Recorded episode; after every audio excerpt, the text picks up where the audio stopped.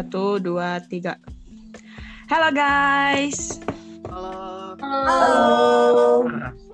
Halo, balik lagi nih kita di podcast Mahasiswa Administrasi Publik Universitas Pasundan. Nah, di episode ke-10 ini kita akan ngebahas tentang SDGs, menjaga ekosistem darat. Kalian tahu nggak sih SDGs itu apa? Ada yang tahu nggak? Enggak, enggak tahu. Aku nggak tahu. itu? Pernah denger doang sih. Berarti Jelasin dong, jelasin dong. Emang belum pernah baca materinya kali ya? Ya. Padahal materinya Ya, ya, ada loh, kalian nggak baca ya. Nah, SDGs itu merupakan singkatan dari Sustainable Development Goals atau dalam bahasa Indonesia dikenal dengan tujuan pembangunan berkelanjutan. SDGs ini merupakan 17 tujuan dengan 169 capaian yang terukur dan tenggat waktu yang telah ditentukan oleh PBB sebagai agenda dunia pembangunan untuk keselamatan manusia dan planet bumi. Nah, SD SDGs ini itu merupakan komitmen global dan nasional yang bertujuan untuk menyete- mensejahterakan masyarakat. Nah, kalian tahu nggak sih yang di SDGs di Indonesia ini udah capai target belum?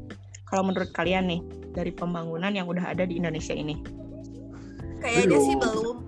Kayaknya belum deh. Nah, iya sebenarnya di Indonesia itu ada beberapa yang udah berhasil mencapai sebagian targetnya, yaitu dari 49 dari 67 indikator itu udah berhasil. Namun ada nih yang beberapa terdapat indikator yang harus dilanjutkan dalam pelaksanaan SDGs-nya. Nah, di podcast kita kali ini kita akan membahas tujuan SDGs dalam menjaga ekosistem darat. Nah, dari kalian ini ada yang tahu nggak sih SDGs menjaga ekosistem darat itu gimana dan seberapa pentingnya sih menjalankan program SDGs ini khususnya dalam menjaga ekosistem darat? Tahu dong. Aku tahu. Apa tuh? Nih. Apa tuh? Itu Kasih kan tahu dong. Oke, bentar, bentar, bentar. Aku Gimana tahu. tuh, Rais? Ya, ya, Tanya bentar, bentar, bentar. Nah, SDGs menjaga ekosistem darat itu adalah melindungi, merestorasi, dan meningkatkan pemanfaatan berkelanjutan ekosistem daratan, mengelola hutan secara lestari, menghentikan penggu- penggurunan, memulihkan degradasi lahan, serta menghentikan kehilangan keanekaragaman hayati. Nah, pentingnya juga SDGs ini nih ya, pada periode 2017 sampai 2022, nah diarahkan pada penciptaan tujuan yaitu pengelolaan hutan lestari, strategi pembangunan kehutanan, kehutanan dititik beratkan pada pembangunan hutan berbasis fungsi hutan yaitu fungsi ekologi, fungsi ekonomi dan fungsi sosial. Gitu. Hmm, jadi Oh, emang penting sih ya pembangunan berkelanjutan itu. Masa Iya. pembangunan begitu aja kan? Berarti harus ada apa namanya eh, perbaikan gitu ya intinya. Iya. Ya betul, betul. Hmm, Apalagi tuh? Em, selain itu, kalau menurut aku, ekosistem darat atau terestrial adalah ekosistem yang faktor lingkungannya lebih dido- didominasi oleh daratan. Ekosistem darat sendiri berada di dalam area yang sangat luas atau juga disebut dengan bioma. Kalian tahu nggak sih bioma itu apa? Tipe bioma itu apa sih, Silmi? bioma itu hutan gak sih? Eh, iya benar. Jadi tipe bioma sendiri sangat terbantu dengan iklim. Sedangkan iklim sendiri terbaca dari letak geografis di dalam garis lintang dan juga dari ketinggian tempat suatu permukaan laut. Dan sebagian dari nama bioma yang tak terkalahkan dengan vegetasi atau tumbuhan yang dominan. Kalian pasti belum tahu kan apa aja yang termasuk ke dalam ekosistem darat? Belum apa aja tuh? Kurang tahu juga. Jadi aku jelasin ya. Adapun yang termasuk ke dalam macam-macam ekosistem darat itu eh, ada hutan hujan tropis, padang rumput, savana atau sabana, tundra, hutan gugur, gurun dan taiga. Gitu Oh teman-teman. gitu. Berarti kebanyakan Oh hutan ya? gitu. Ya, kebanyakan tentang hutan itu. Oke, ngomongin ekosistem darat nih, kalian tahu nggak sih apa aja faktor yang bisa merusak ekosistem darat? Kayaknya pasti banyak banget ya faktornya yang Kayaknya bisa pasti banyak banget faktornya. Bener sekali, tapi di sini eh, aku bakal ngelompokin tiga faktor yang bisa merusak ekosistem darat. Yang pertama ada perubahan iklim, yang kedua ada cuaca ekstrim, yang ketiga ada karena aktivitas manusia.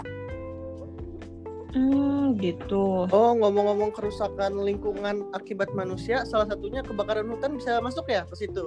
Iya sih, bisa kebanyakan. nih. Di Indonesia banyak Iya, ya kebakaran gara-gara- hutan. Oh iya, biasanya kebakaran hutan yang ada di Indonesia tuh disengaja tahu eh, untuk kepentingan pribadi atau kepentingan perusahaan. Hmm, Terus, jadi kayak Eh, dampaknya juga bisa menimbulkan ya. Dampaknya juga bisa menimbulkan asap tebal yang dapat membuat warga mengalami gangguan pernapasan gitu. Nah, contohnya banyak kayak di Riau juga tuh kemarin kebakaran hutan disengaja tahu untuk kepentingan usaha. Oh iya, ngomong-ngomong tentang kepentingan usaha, kalian tahu nggak sih di Pulau Komodo juga bakal dijadiin seperti Jurassic Park. Oh iya, Tahu nggak Nah, sih? Tahu nggak sih? iya aku pernah Iya, dengar tahu tahu tahu tahu.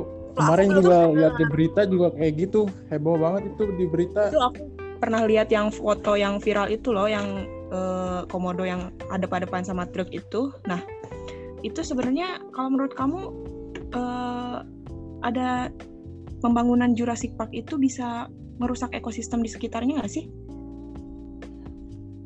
Uh, bisa banget. Hmm, pasti banyak ya Banyak. dampaknya. Eh, banyak sih faktor-faktornya. Apa aja coba faktornya? Emang it- itu kan pembangunan itu kan sekarang ya tahun 2020. Cuman semenjak dari tahun 2018 juga eh, kawasan konver- konservasi di Taman Nasional Komodo ini juga banyak yang mengganggu bahkan merusak ekosistemnya. Eh, di sana juga kan dulu itu banyak ratusan rusa ya di dekat pantai-pantainya itu. Nah, dari semenjak 2018 itu udah pada dibunuh-bunuhin sama pemburu ilegal. Terus juga eh, sekarang kan tahun 2020 ini mau katanya mau dijadiin kayak semacam Jurassic Park itu kan. Nah, dari dampak-dampaknya ini banyak. Jadi pembangunan dari Jurassic Park ini justru berpotensi mengancam kelestarian alam lingkungan. Nah, dampak yang mungkin terjadi adalah pembangunan biasanya diawali dengan pembabatan vegetasi seperti kayak pembabatan sebagian rumput, perdu dan pohon habitat aslinya. Akibatnya kan yang bisa muncul dari pembabatan ini adalah terjadinya perubahan komposisi tanaman yang bakal mengarah kepada kerusakan ekosistem berupa musnahnya sejumlah spesies flora dan fauna tertentu yang memungkinkan juga spesies dari komodo ini terancam punah. Oh iya Vi, Hmm, kayak berarti gitu. pembangunan itu juga biasanya dibuk dibukanya akses jalan baru ya bagi kendaraan bermotor ya. Iya, soalnya kan eh, saya aku baca-baca juga Oh. ternyata komodo itu punya sifat yang unik yaitu hewan yang sangat penyendiri. Jadi kalau misalkan terjadi kayak pembukaan jalan gitu kan banyak kendaraan-kendaraan yang masuk itu kan mungkin saja itu juga bisa mengganggu komodonya apalagi Bakal jadi dengan bakal jadi memperlambat ancaman khusus reproduksi ya kan bagi- bisa. Bakal Bisa ada perubahan bakal pola jadi lah ancaman ya khusus ya. komodonya gitu. Iya. Mm, mm, mm, mm. Oh Terus ya, apa lagi, Eh, itu apa? Dampak yang Untuk- lainnya apa? Dampak yang lain ya. Berarti eh, fasilitas kemungkinan besar malah bisa mengubah struktur tanah ya untuk mengubah pola resepan serta aliran air hujan yang mengakibatkan timbul erosi dan perubahan topografi alam yang menjadikan kan di kawasan konservasi berikut kawasan di sekitarnya makin terdegradasi. Hmm. Terus terus Tuh. Terus gimana? eh, Ajeng bisa nambahin nggak? Selain itu, dampak dari pembangunan kawasan konservasi tersebut yaitu pembangunan sangat boleh jadi akan memicu meningkatnya penggunaan tenaga listrik, bahan bakar minyak, penggunaan air dan produksi sampah. Jadi banyak Oh. banget ya. Berarti jadi yang- bakal jadi polusi ya. Iya. Iya. Selain selain merusak ekosistem juga menimbulkan banyak bencana nggak sih? Dari mulai komodonya stres mungkin jadi nanti lama-lama bisa mati, bisa punah juga kan Bisa akibat punah dari ya. itu. Terus terus juga dari segi lahan, iya nggak sih? Iya Iya. benar benar benar. Terlalu banyak dampak negatifnya berarti ya. Pasti kelihatan nanti lebih nggak alami kan? Iya. Ya. Nah, eh, kalau gitu ada nggak sih mungkin solusi dari kalian biar ini tuh pembangunannya lebih apa ya? Lebih terorganisir sama lebih nggak ngerusak lingkungan tuh gimana ya? Kalau menurut pendapat kalian? Biar lebih terjaga lah ya ekosistemnya ya. Iya, gimana sih? Mungkin kalau dari aku bisa dilaksanain eh, suatu evaluasi mungkin dari dari pihak pemerintahnya itu sendiri eh, lebih eh, apa ya namanya lebih ini gitu kayak menganalisis ulang analisis dampak lingkungan terhadap ekosistem yang ada di sekitar situ jadi nggak terlalu merubah eh, ekosistem alam yang alami di sekitar situ gitu. Nah, bisa juga sebelum melakukan pembangunan ini harus ada komunikasi dulu ya sama warga setempat kan. Katanya ini yang pembangunan Jurassic Park ini nggak ada ini nggak ada apa nggak ada komunikasinya dulu sama warga di sekitar malah langsung kayak ngebangun-bangun aja gitu. Ya nggak sih kalau yang di tersebar di media setahu aku. Nah, eh, kalau kayak gitu berarti pemerintah juga setelah banyaknya ancaman gitu ya dari masyarakat Indonesia ini sendiri, nah solusi apa sih yang dikeluarkan dari pemerintah untuk mena- menangani masalah kayak gini tuh? dilihat dari tujuan SDGs sendiri yaitu menjaga ekosistem darat adalah melindungi, merestorasi, dan meningkatkan pemanfaatan berkelanjutan ekosistem darat. Nah, kalau menurut aku, solusi dan saran untuk pemerintah yaitu meminta pemerintah mendengarkan saran berbagai kelompok masyarakat sipil soal pembangunan Jurassic Park di, Pulau Ran, di Pulau Rinca, Taman Nasional Komodo.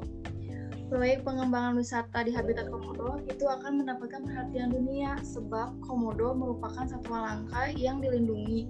Pemerintah harus mendengar pasukan- masukan-masukan dari pemerhati lingkungan baik dari dalam maupun luar. Karena ini merupakan hewan langka dan negara lain pun akan memantau. Pemerintah harus transparan dengan pihak-pihak yang berkepentingan. Hmm, jadi eh, pemerintah harus lebih ini ya, harus ada komunikasi dulu ya. s- eh, kalau kayak gitu, nah ada lagi nggak sih solusi yang lain atau malah dari kalian tuh ada yang ngedukung pembangunan ini dilanjutkan? Kalau aku sih eh, ngedukung pemerintah ya, Eh, karena dengan adanya proyek ini, eh, maka maka kan sekarang era trans transparansi sehingga peran masyarakat dan tokoh-tokoh lingkungan perlu diakomodasi pendapatnya. Jika itu dilakukan pemerintah, pasti pembangunan di sana akan lebih baik dan para pemangku kepentingan bisa menerima proyek pengembangan wisata di Taman Nasional Komodo itu. Untuk kasus tersebut, jika ingin nanti misalnya Pulau Komodo betul-betul lebih ditujukan untuk konservasi, dengan demikian turis betul-betul dibatasi, ada kuota dan bayarnya juga mahal. Kalau tidak mampu membayar, jangan ke sana. Tetapi bila ingin melihat komodo, kalian bisa ke Pulau Rinca. Daerah habitat komodo itu menjadi daerah hutan sehingga wisatawan yang berkunjung dan melihatnya akan kagum. Jadi bukan komodo yang bersahabat dengan manusia, sebab bila bersahabat dengan manusia, maka sama saja dengan binatang yang ada di kebun binatang. Oh, jadi gitu ya. Jadi ada pro kontranya ya dari Iya. kalian yang ada yang setuju, ada yang enggak juga nih. Nah, terlepas dari itu semua, eh, peran kita nih sebagai anak muda penerus bangsa gitu kan. Nah, eh, gimana sih cara-cara kalian eh, dalam menjaga dan melestarikan ekosistem khususnya yang di daratan ini? dari kalian ada ini nggak ada solusinya nggak kayak gerakan Itu- sendiri gitu loh Film ini yang ide-ide cemerlang nih. muncul. Biasanya Silmi, sikat. Iya si Xiaomi ini. Kalau Kasih menurut aku ya, iya kalau misalkan menurut aku mungkin bisa eh, kayak kita bikin suatu forum gitu. Kita tuh nampung gitu aspirasi-aspirasi apa aja sih yang bisa kita kasih gitu eh, buat masyarakat itu sendiri. Kayak kita bikin komunitas sendirilah kecil-kecilan dulu, tapi komunitasnya yang udah disetujui oleh kampus itu sendiri gitu. Sih kayak gitu. Jadi kalau menurut Silmi itu kita bikin komunitas tentang ya edukasi tentang menjaga ekosistem di darat ya. Eh, Iya. Komunitas. Nah selain itu kita bisa menjaga lingkungan di lingkungan sekitar kita dulu. Awal kita dulu kayak membuang sampah pada tempatnya dan ya pokoknya hal-hal kecil yang bisa jadi berbuah besar gitu. Ya hal-hal kecil yang bisa membawa perubahan besar gitu. Karena kan nggak iya. ada perubahan besar yang nggak dimulai dari hal-hal yang kecil. Gila. Ih keren banget. Mantap. Keren banget. Sumpah keren. Eh, mungkin siapa nih yang mau nambahin lagi? Ada lagi nggak tambahannya kayak menjaga diri sendiri aja dulu dari di awal sendiri aja. Rais mungkin, Arfi apa? Coba diem-diem aja nih. Siapa? Iya. Iya bener juga sih menurut Silmi ya Isya. Iya, aku setuju banget sama Silmi udah ah, gila sih aku. Iya sebelum sebelum sampai ke pemerintah kita harus dilihat dilihat dilihat dulu kan jadi acuan gitu buat pemerintah. Oh iya rakyat aja bergerak sendiri gitu kan untuk untuk berbenah gitu. Jadi kan kita tinggal menunggu eh apa be- menunggu pemerintah untuk berbenah gitu kan. Ya enggak, Is? Iya, benar. Setuju lagi Iya, sama banget. Keren makanya. Keren. Eh, ya intinya semoga kita semua Mengikuti aspek-aspek ya. Mengikuti Iya. aspek-aspek ya. Oh iya, menjaga aspek tuh yang itu ya yang ada di kalau kita masuk sekolah itu aspek ya Ospek. Ospek. Itu oh, Ospek, ospek, bang bang ospek. oh maaf maaf maaf maaf, maaf. Nah, santai kali eh, berarti kita semua harus memulainya dari diri kita sendiri untuk menjaga kelestarian dan keberlangsungan ekosistem khususnya di daratan ya. Eh, kalau ngelihat tadi dari contoh-contoh kasus yang ada di Indonesia kayak kebakaran hutan yang tujuannya itu memperluas lahan buat pengusaha, terus lagi pro kontra Jurassic Park di Pulau Komodo. Nah, eh, seharusnya ke depannya semoga ya pemerintah kita bisa bisa lagi lebih bijak dalam eh, memberikan izin atau ya semoga nggak kecolongan lagi lah kayak kebakaran kebakaran hutan itu kan Ya.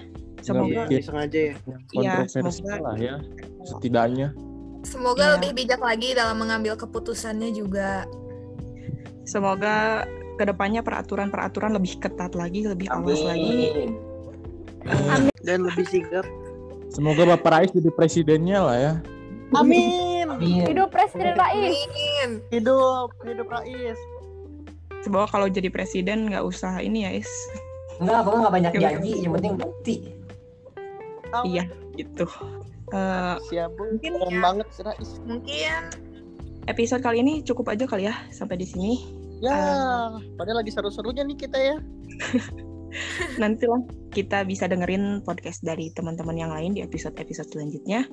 Eh, semoga kita semua tetap sehat di pandemi Amin. ini. Semoga kita amin dapat ketemu lagi di kampus dan belajar bareng lagi. Eh, ya udah, sekian dari podcast episode 10. Terima kasih. dadah dadah Dadah. dadah semuanya guys. Jaga kesehatan. stay safe dadah